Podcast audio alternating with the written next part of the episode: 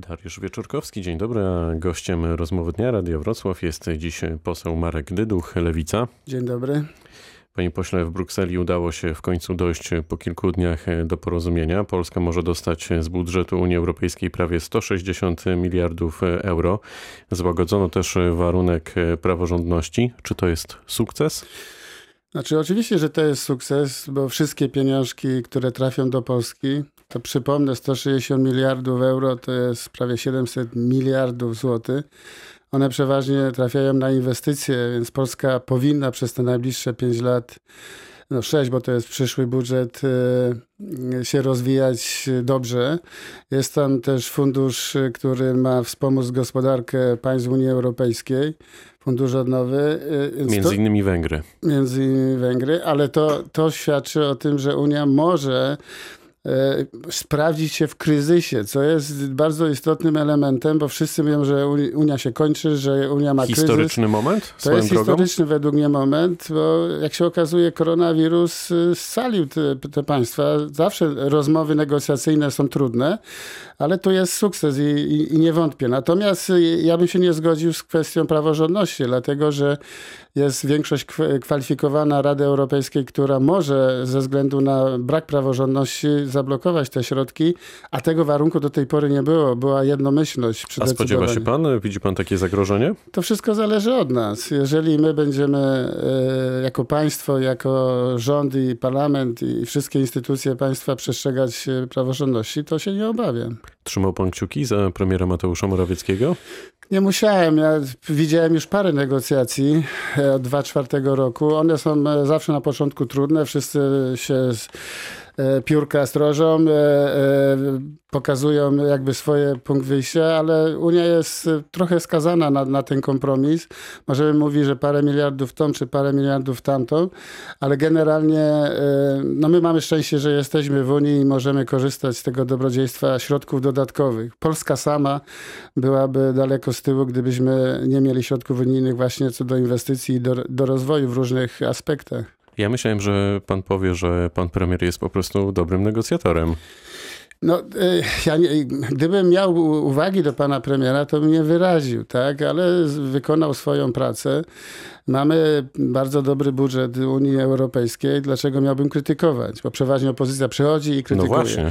Ale też, to też historyczny moment też, w tym studiu. Ale też, y, y, jakby powiedzieć, było normalnie, tak? Negocjacje, jak powiedziałem, nigdy nie są łatwe, e, ale premier wywiązał się ze swoich obowiązków i to się liczy, bo to jest przecież interes Polski. Wracamy do kraju. Rafał Trzaskowski zapowiedział budowę nowego ruchu obywatelskiego. Jak pan ocenia szansę tego projektu? Dość słabo, dlatego że jeżeli wiceprzewodniczący partii buduje ruch obywatelski no to gdzieś konflikt między tym ruchem a partią musi nastąpić prędzej czy później, bo ja nie wierzę, że ruch obywatelski może nie być polityczny. Nie wierzę, że może stać obok polityki, bo przecież każde jego słowo, każda wypowiedź, każde stanowisko będzie dotykać tych, co rządzą, tych, co są w opozycji. Więc nie ma tutaj spójności. Wydaje mi się, że Platforma Obywatelska, Koalicja Obywatelska jest trochę pogubiona. A czy ten ruch ma przykryć ruch Szymona Hołowni? Ma go po prostu nakryć czapką i tym samym wyeliminować Szymona Hołownię? Wydaje mi się, że to jest walka, typowa walka o elektorat. No to znowu, to jest polityka, tak? No jak wszyscy mówią, jeden obywatelski, drugi Szymona Hołowni, społeczny inny, no to opowiadają trochę bajki, bo wszystko będzie się sprowadzać później do wyborów, do wystawienia komitetu wyborczego, jednego, drugiego bądź trzeciego. Walka o rząd, walka o władzę w Polsce, no to czymś to się różni od partii politycznej.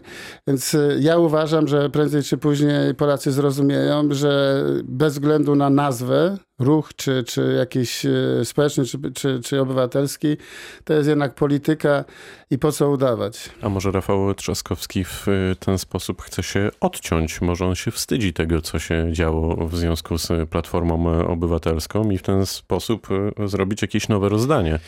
Jeżeli Rafał Trzaskowski chce się odciąć, no to jest rozdział i podział w Platformie. No nie ma takiej siły, żeby się nie podzielili w takiej sytuacji. Dlatego wcześniej powiedziałem, że to są nieprzemyślane ruchy, bardziej na pokaz i bardziej, e, bym powiedział, poszukiwanie jakiegoś nowego rozwiązania, a nóż się uda, a nie e, strategia, która miałaby ręce i nogi. Rafał Trzaskowski i jego otoczenie próbuje was, e, lewicę, obciążyć za przegraną. E, no właśnie, podobno Trzaskowski przegrał przez lewicę. Wie pan, to mi przypomina taką sytuację, jak w święta e, dziecko bądź tato podpalił choinkę, przyjechali strażacy, zgasili e, pożar, a tato albo synek ma pr pretensje do strażaków, że za późno przyjechali, bo zalali mieszkanie. No, przede wszystkim podkreślam to od samego początku, że z, z, ignorancja Trzaskowskiego, jego sztabu i Platformy Obywatelskiej była przeogromna w stosunku do lewicy była wola rozmowy Biedroń-Trzaskowski i Trzaskowski zaczął nie odbierać telefonów od Biedronia. No to to nie jest ignorancja, to jest i arogancja. No to jeżeli Bo mu nie się zależało tak na kilkuset tysięcy głosach, no to się przekonał, że ich nie ma, tak? Ale uważa pan, że czuł się tak pewnie? Nie, to, to jest cecha Platformy Obywatelskiej.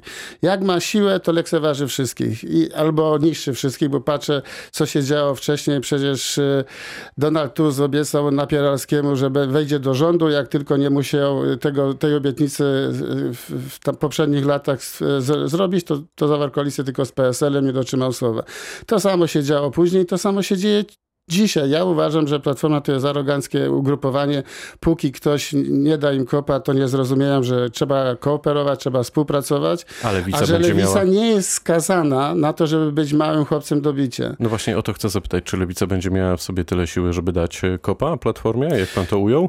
Ja- Ja nie mówię, że my damy kopa Platformie. Życie da kopa Platformie. Jeżeli oni będą nadal tak arogancy, to wyborcy przecież to wyczują. Arogancję się wyczuwa w lot. To w takim razie... Mhm. Więc lewica nie będzie musiała kopać platformy, tylko robi swoje. Po, po, dzisiaj lewica może ma gorszy wynik. To Ja mam, zależy e, od punktu Zatrzymajmy widzenia. się na chwilę, bo mamy przed sobą najnowszy sondaż parlamentarny e, przeprowadzony przez Ibris, Ibris na zalecenie Onetu. Prawo i Sprawiedliwość może liczyć na prawie 40% głosów. Koalicja Obywatelska zajęła drugie miejsce z wynikiem 28%, a podium zamyka Lewica, macie niespełna 10%. Nieźle? To jest nieźle, ale proszę pamiętać, że e, ten elektorat PO i lewicy jest dość labilny. On może dzisiaj być PO, a jutro w lewicy. My chcemy zabiegać o to, żeby ten elektorat był e, na lewicy i dla lewicy i wspierał lewicę, e, pokazując między innymi te błędy. Ja mówię o arogancji Platformy, ale ich jest, mnóstwo. Jak popatrzymy, ile błędów Platforma zrobiła w przeszłości, no to ludzie kiedyś otworzą oczy. Lewica musi być sobą, ale też musi zmienić język komunikowania się. Te wszystkie wartości, ideały, które prezentuje lewica, no muszą dotrzeć do dzisiejszego społeczeństwa, które jest trochę inne niż, nie wiem, 100 lat temu, 50 lat temu, 40 nawet lat temu, nawet 30. 30 lat temu. Dzisiaj obietnice socjalne muszą się e, wiązać z jakością życia, z pewną perspektywą, z rozwojem. Rozmowie o gospodarce, o państwie, tego lewicy dzisiaj brakuje. To na kogo swoją drogą pan głosował w drugiej turze? To jest moja tajemnica. E, Ja powiem tak, że e, politycy, którzy obnoszą się, e, na kogo głosowali, e, no są trochę nierozsądni. Jeżeli jest wymóg, A jak Robert Biedroń powiedział, że przekazuje głosy na Rafała Trzaskowskiego, Dobra, to to też był jest, to jest nierozsądny? poparcie polityczne, Mhm. tak? Ale to nie wiadomo, jak Okej. Biedroń głosował. Przekazał swoje poparcie. Okej. Ja raz zakładam, że zrobił to, co powiedział, tak? Ale ja, jeżeli y, y, każdy ma prawo do, do głosu anonimowego, czyli nie, nie wykazuje, na kogo głosował, y, no to ja też mam takie prawo, dlatego że y, trzeba uszanować jakby y, konstytucję, trzeba uszanować właśnie prawa wyborcze. Jak ktoś się obnosi z tym, to albo wy- wyraża czytelne stanowisko polityczne, albo e, mówi o swoich e, preferencjach. Dlatego stanowisko lewicy generalnie było takie, że popiera Trzaskowskiego. Ono nie zostało wyrażone, bo Trzaskowski formalnie nie zostało, ale 90 chyba 5% lewicy głosowało za Trzaskowskim, a tego, co mu zabrakło, no niech popatrzy na siebie. A czy Lewica już e, rozliczyła ludzi odpowiedzialnych za słaby wynik Roberta Biedronia w tej kampanii? Czy to Lewi- jeszcze przed wami? Lewica, rozmawialiśmy o tym na klubie, rozmawiamy wśród liderów. Lewica ma pewien problem, dlatego że ma trzech liderów e, i to jest e, taki eksperyment trochę polityczny. Trzech muszkieterów. trzech musz- I, i to się może udać, bo jeżeli będą ze sobą współpracować, jeżeli podzielą rolę, kto się czym zajmuje i, i w jakim obszarze prezentuje pewne stanowiska, to ta lewica może się zbudować. To widać po klubie parlamentarnym, że ta współpraca jest e, bardzo dobra. Ale z kolei e, dzisiaj e, popełniliśmy jakby grzech, że nie przemyśleliśmy do końca kwestię wyboru kandydata. Popełniliśmy grzech po pani Ogórkowej, że trzeba się pytać aktywu, na przykład w referendum, na kogo stawiamy. Dać dwa, trzy, cztery nazwiska i... No i- dobrze, ale widziałby pan e, alternatywę dla Roberta Biedronia? Swoją drogą w tej chwili, w tej kadrze, pan którą co, dysponujecie? e, Ja zawsze widzę alternatywę, zawsze. Bo Może Marek polityk, Dyduch? Nie, polityk e, oczywiście nie, ale polityk, który nie widzi przynajmniej dwóch wariantów, to No to kto nie by to bawi mógł być, politykę. panie pośle? Mogliśmy, Już teraz. Na, na przykład, mogliśmy wystawić innego lidera. Zandberg się nie zgodził, a Czarzasty nie chciał. Ale mogliśmy też zapromować, jak pięć lat temu, e, pan prezes Kaczyński, młodego człowieka.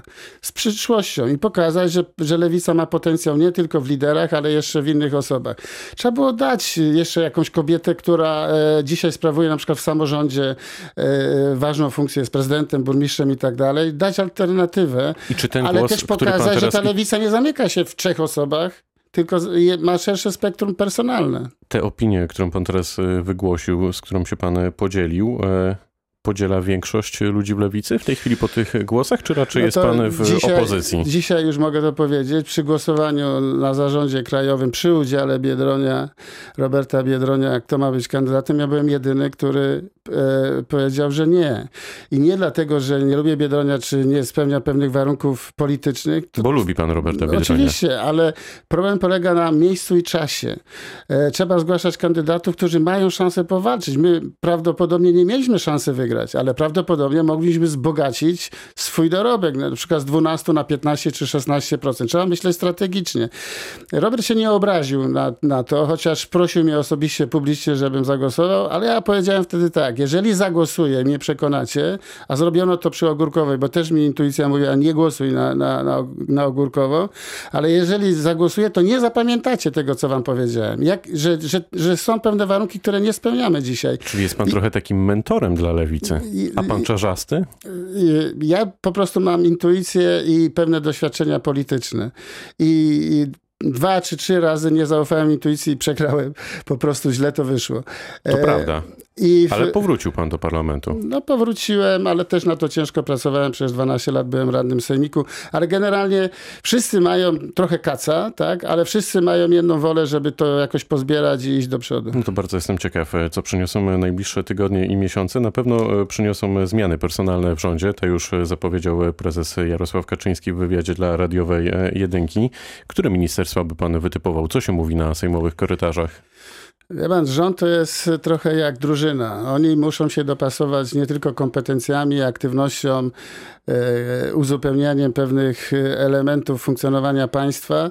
Więc ja- bym dzisiaj, e, e, ja bym dzisiaj nie typował po- pojedynczo, kto, kogo bym zmienił, kogo nie. Powiedziałbym, że razi mnie e, e, pan Ziobro w, w, jakby w wprowadzeniu Ministerstwa Sprawiedliwości jako e, jakiego, jakby, jakby marketingu, tak? Ministerstwo Sprawiedliwości ma pilnować prawa w, w państwie i to jest i praworządności i to jest najważniejsze. Czy trzeba go zmienić, czy nie? Ja się nie wypowiadam. To musi pasować dla e, rekonstrukcji rządu. E, Ja mówię, co mnie razi, tak? Ale generalnie to, to powinien podejmować decyzje liderzy Platformy, e, przepraszam, PiSu. Marek Dyduch był gościem rozmowy Dnia Radia Wrocław. Lewica, nowa Lewica. Bardzo dziękuję za spotkanie. Dziękuję. Pytał Dariusz Wieczorkowski. Dobrego dnia.